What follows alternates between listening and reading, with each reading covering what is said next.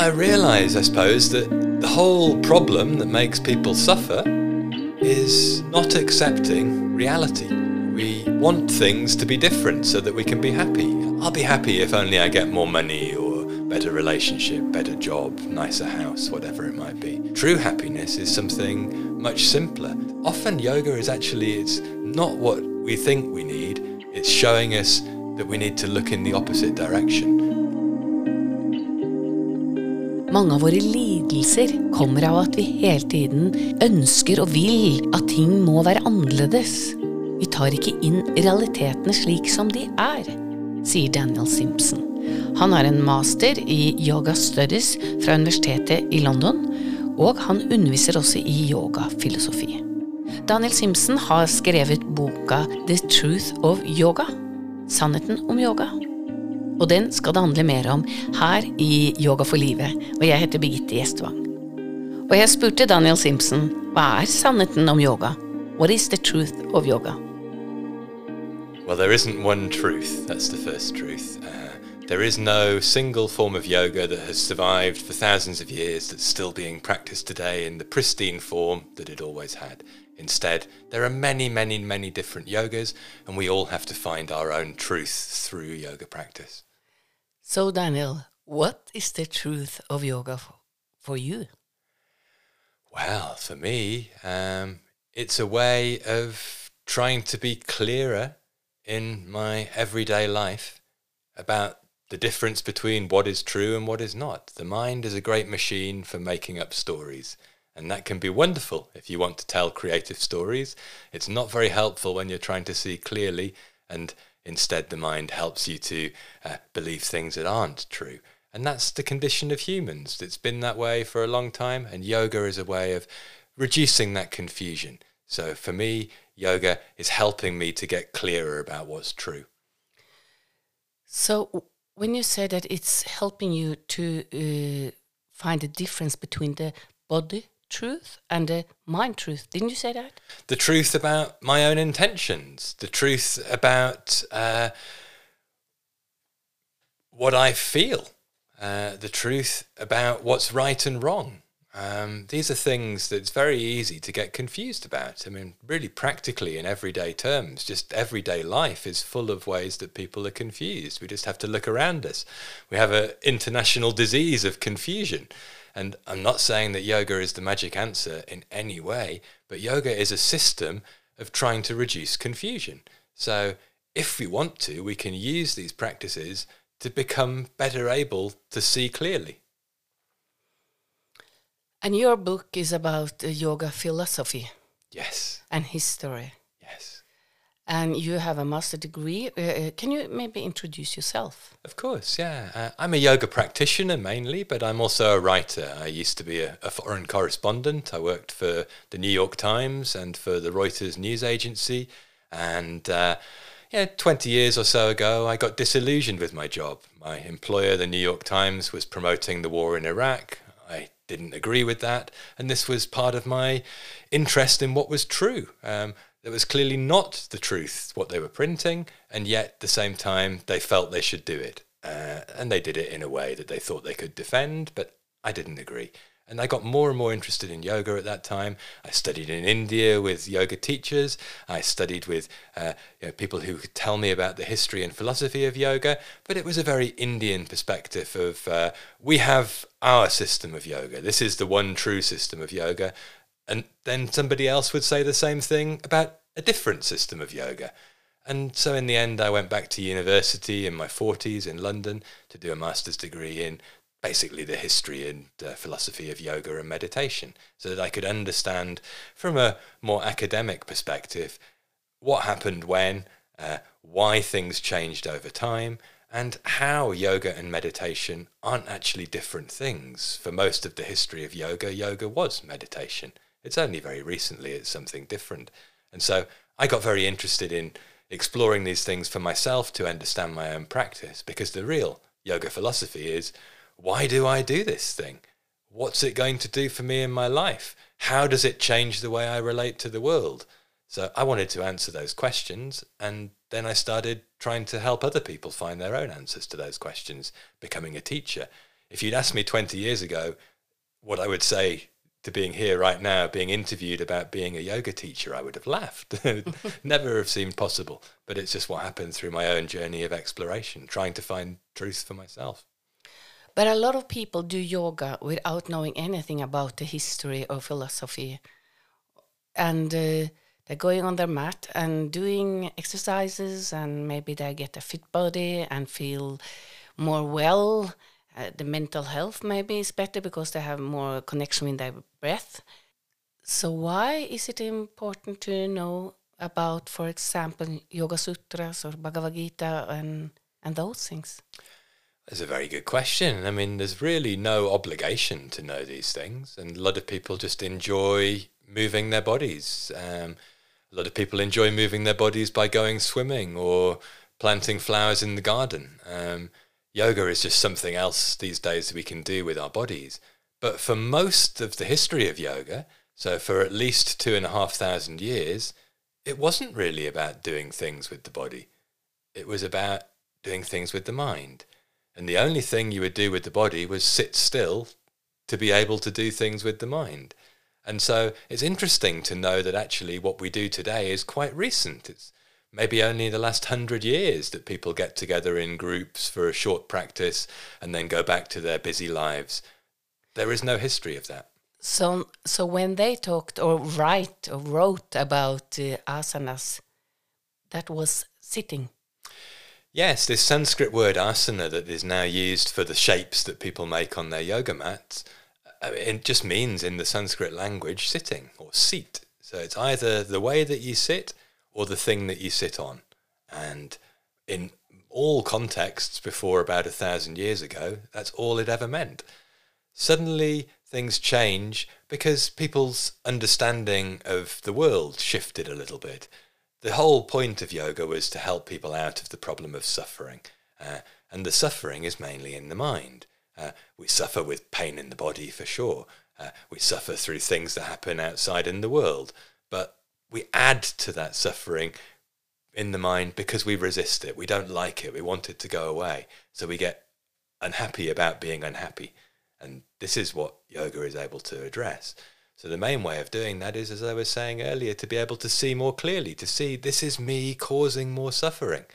And so that was what the practice was to sit still and observe inside one's own experience so and then suddenly it becomes something different. It's about you know cultivating the body as a way to uh, be a bit more rested in the body, so that it's possible to sit for longer. And then eventually, in the twentieth century, it's enjoying the body, enjoying life in the world. But for most of yoga history, you had to be very dedicated to be a yogi. It was a full time commitment. You walk away from your ordinary life for the most part, and very few texts talk about life in the world they talk instead about leaving the world behind. And so in the 21st century, if we're practicing yoga and somebody says, oh, maybe you should read the Yoga Sutra, a very famous text about the philosophy of yoga, or the Bhagavad Gita, which is a devotional religious text that also teaches yoga, we go there, it doesn't say anything about these physical practices at all. Instead, it talks about other ways of seeing clearly. Um, and people then say, well, what do I do with this information? And I think there is a connection we can make between old texts and modern life, but we have to make that connection for ourselves. So, how do you make that connection for yourself? Well, I realize, I suppose, that the whole problem that makes people suffer is not accepting reality. We want things to be different so that we can be happy. I'll be happy if only I get more money or better relationship, better job, nicer house, whatever it might be. Or the other way around, I'll be happy if only I can stop this terrible situation that's making me suffer so much. But there are people who have shown us throughout history that it's possible to do things differently, not only yogis. Um, a, psychologist, uh, Viktor Frankl, who was in Auschwitz. Uh, he wrote that you know, despite the fact he was in the worst imaginable condition that uh, a human could be in, reduced to, to you know, a death camp, still he had control over his inner experience. And that's what yoga gives us. But to do that, uh, you know, we have to stop expecting that the outside world will give us satisfaction. Getting things doesn't make us happy true happiness is something much simpler. It's about not really needing anything. And that sounds crazy to the Western mind. Well, surely we need a job and a house and you know, blah, blah, blah. But we get very attached to those things. And the more attached we are, the more we suffer when we lose those things. So for me, what I'm trying to do is to stop thinking that doing more physical practice is the answer because I can just get attached to the more physical practice, trying to get better at it and look good and uh, you know, feel like I'm a master. Whereas actually, what I need to do is the opposite. And often, yoga is actually it's not what we think we need. It's showing us that we need to look in the opposite direction. And uh, you know, that's something that I think would be very helpful for, for Western society generally to think philosophically. So it's not important that a million people, two million, ten million go on the yoga mat. It's important that people ask honest questions to themselves about where suffering comes from and how we can stop adding to it. So for me, I realize so long as I'm doing that, it doesn't matter what I'm doing. I can be at work. I can be you know, practicing yoga on a mat. I can be caught up in all of the complicated drama of modern life, but I still need to watch for how I make myself suffer and how, because I make myself suffer, I make other people suffer through my bad behavior. And it doesn't mean I have to feel terribly guilty. It means I realize I've got a lot of freedom. I've, I've got some control over this situation. I can't control what everybody else does, but I do have some control over myself. And when you go to the old texts, for example, Yoga Sutras mm. of Patanjali, we have the word ahimsa. Yes, not harming. Not harming, uh, neither in your thoughts, in your acts, or in the way of uh, yeah treating others. Or exactly, yeah, in, in, all ways, causing no harm. No it's a very harm. fundamental principle of yoga philosophy. And I mean, this is something that we really can use today, also we can, but I think we also have to realize that these ancient principles, this text that we're talking about, you know, is at least 1,600 years old and probably summarizing at least a thousand years of previous yoga philosophy.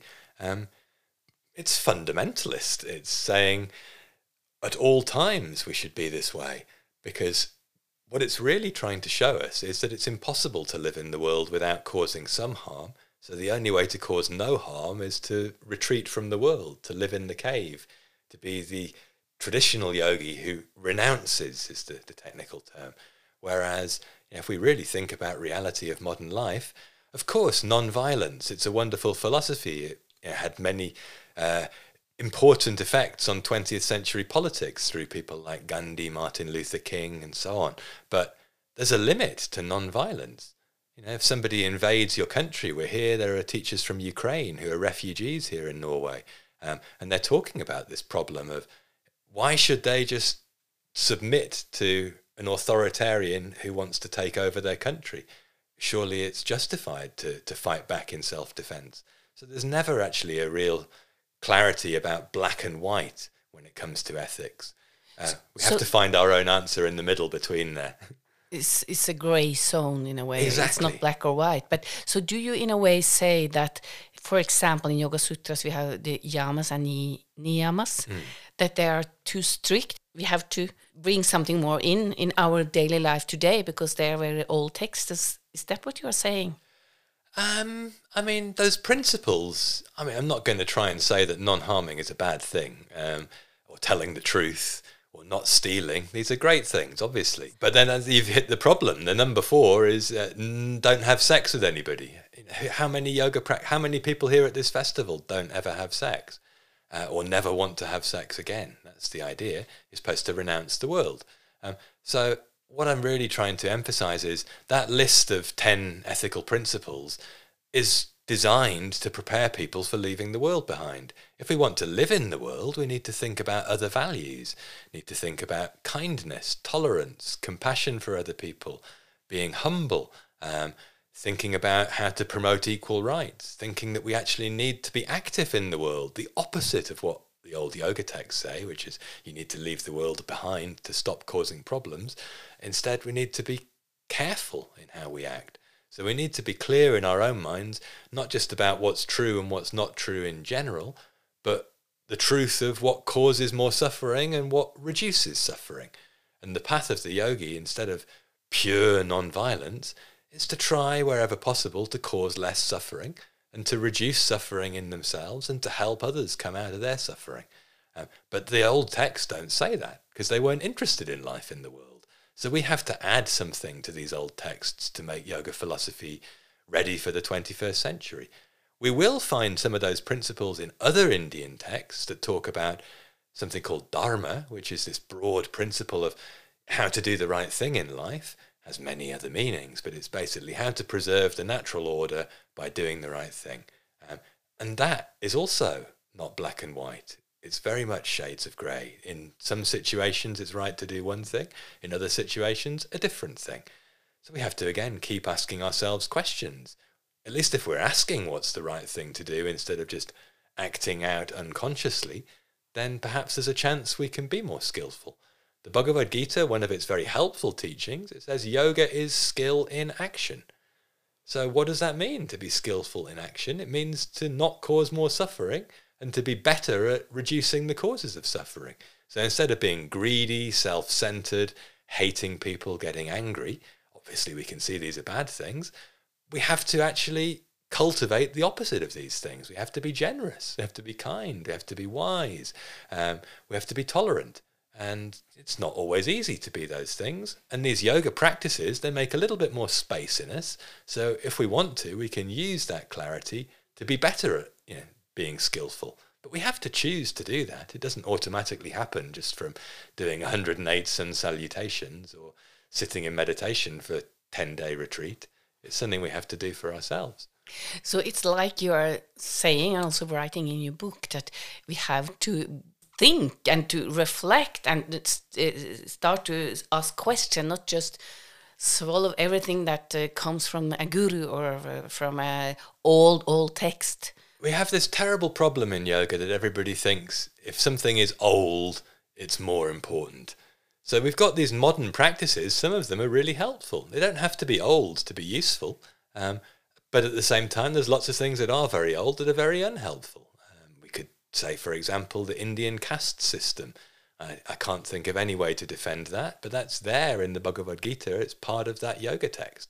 And uh, it's a problem when we read it. So again, we can't take that one text and make it the blueprint for modern yoga. Uh, we have to take a little bit from here and a little bit from there. But then we have to be careful that we're not just inventing a new thing and calling it old yoga philosophy. We have to be honest and say this is our modern interpretation of yoga philosophy and not Patanjali said it or it's there in the Bhagavad Gita because we want some old authority to sanction it. And the other thing is, if yoga is anything, it's inquiry, it is asking questions, it's trying to find truth. If you think you've got the answer, you've stopped asking questions. It's a never ending process. I don't know anybody who's got to the end of the journey. I know some wonderful wise people, but they're still human beings. They make mistakes. and so we have to keep asking, you know, what is skillful? What is wise? The more we don't ask questions, the likelier we are to confuse ourselves with silly stories that aren't true. You are really not uh, glorifying yoga, and I heard I heard you say uh, yoga doesn't make you kind. You have to choose. You also have to choose to be kind.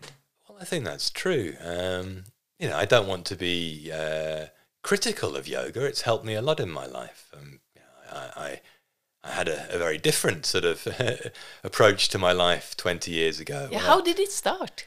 Well, you? it started with me going to India, being curious about the things you see in India, especially when I first went there. It's nearly 25 years ago now. And uh, I met these characters who just seemed to me like something out of the history book. These guys wearing basically no clothes, covered in ash, with long dreadlocked hair, smoking hashish and other things also. And, and, and people were calling them yogis. And I thought, what? At that time, I didn't practice yoga. I was just fascinated. And also, I was a young guy. I liked taking drugs. Suddenly, I thought, I can get stoned and call that yoga. Uh, and maybe I feel really high. It was really good quality hashish they had in northern India. So I felt wonderful. And then the more I smoked, the more I thought this is going to get me enlightened. And of course it didn't. It just got me more confused.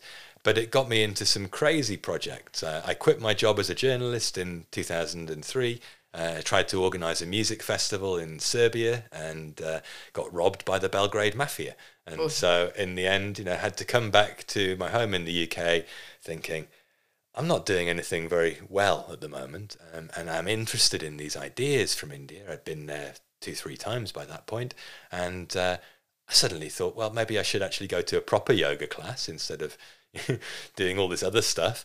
I had tried a bit of meditation, a bit of yoga before that, but I hadn't been serious. And instead, within a year and a half, I'd stopped smoking cigarettes and hashish. I'd stopped, uh, you know, making my own life a misery, and I became instead a yoga addict instead of a drug addict.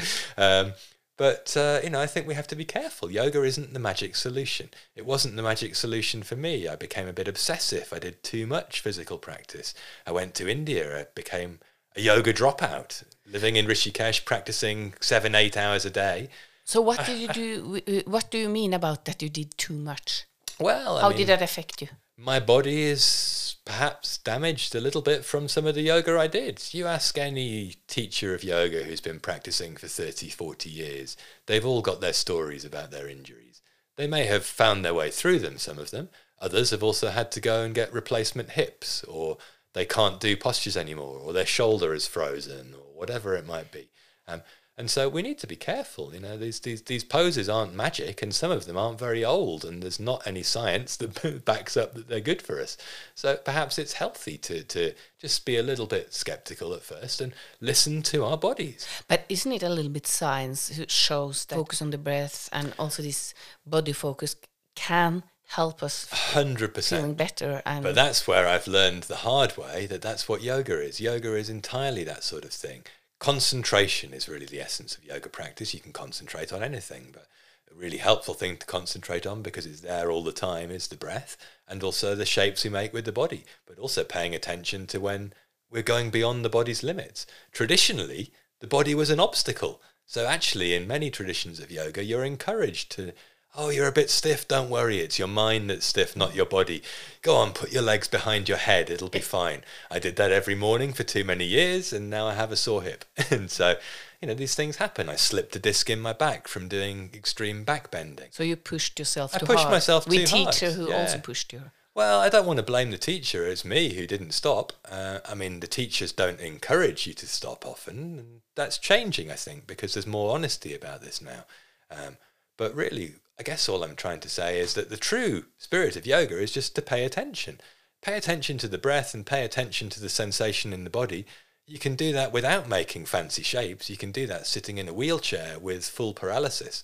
Uh, you can still, if you're still alive, you can listen to your breath. So it's you know it's not something that needs to be complicated.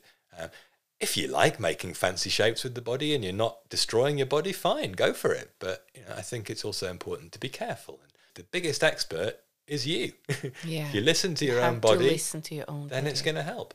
Um, and I don't think I did because I was trying to get beyond my body. I thought again I had the magic answer. There is no magic answer. The only magic answer is to pay attention. I heard you doing a prayer. I don't know if that will function on a podcast, but couldn't we try to do that prayer here? We could, yeah, yeah. Um, I mean, we were talking really about Buddhist philosophy at that point, and one of the best things we can do to stop being confused, self-centered, and uh, difficult to be around is to try and be kind. So this cultivation of what the Buddhists call loving kindness, metta, um, friendliness is literally the meaning of that word. Um, it's a very positive thing, and it basically cultivates compassion towards other people. Um, so we sat there, and um, I don't know, shall I talk about it or shall I just read it out? I think it would be really nice if you read it out and really do it in the way you did, because it's about kindness, and it's a good way to end this podcast. Okay, well, um, I would just say get comfortable. Get Okay, into get a comfortable comfort- mhm. position, relax into your body. Don't try to do anything. Just try to settle. Try to let the attention come down into the feeling of being here in the body. This is not about ideas, it's about feeling, about feeling from the heart. So bring the awareness into the heart. And then I'll say some words. You can maybe quietly, if you want to, repeat them to yourself or just hear them, let them settle in you. And we'll go through a little process. So, starting with ourselves, trying to focus on the feeling behind the words. May I be happy. May I be peaceful. May I be well. May I be free from anxiety and hostility. May I be free from suffering and from the causes of suffering.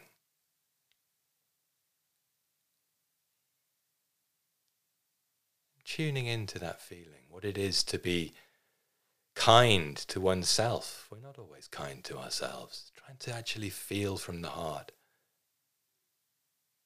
And then bringing into awareness somebody who we feel very warmly towards, somebody who's close to us, somebody we love, a family member, a friend, a partner. May they be happy. May they be peaceful. May they be well. May they be free from anxiety and hostility. May they be free from suffering and from the causes of suffering. continuing to tune into that feeling. And then trying to bring to mind somebody who is a neutral person, somebody you know casually at work, maybe, or a neighbor who you don't talk to very much, but you recognize them, somebody you feel yeah, pleasant towards, but you don't know. May they be happy. May they be peaceful. May they be well. May they be free from anxiety and hostility. May they be free from suffering and from the causes of suffering. And now for the challenging bit. Trying to keep this warm feeling and bringing to mind somebody who's difficult, somebody we have challenge with in our life, somebody who's a problem for us. May they be happy May they be peaceful. May they be well. May they be free from anxiety and hostility. May they be free from suffering and from the causes of suffering. And maybe then also capable of sharing loving kindness rather than harming. and then finally widening out to include the whole world, everything, the nature of which we are part, all beings. May all beings be happy. May they be peaceful. May they be well. May they be free from anxiety and from hostility. May they be free from suffering and from the causes of suffering. May all beings be happy. Thank you so much, Daniel Simpson, for joining this podcast. You're welcome. Thank you for inviting me. Du har hørt en episode av Yoga for livet, og jeg heter Birgitte Gjestvang. Yoga for livet kommer annenhver fredag, og du finner oss på Spotify, Apple Podcast og også på Nøsens hjemmesider, nosenyoga.no. Yoga for livet For de som tør å puste.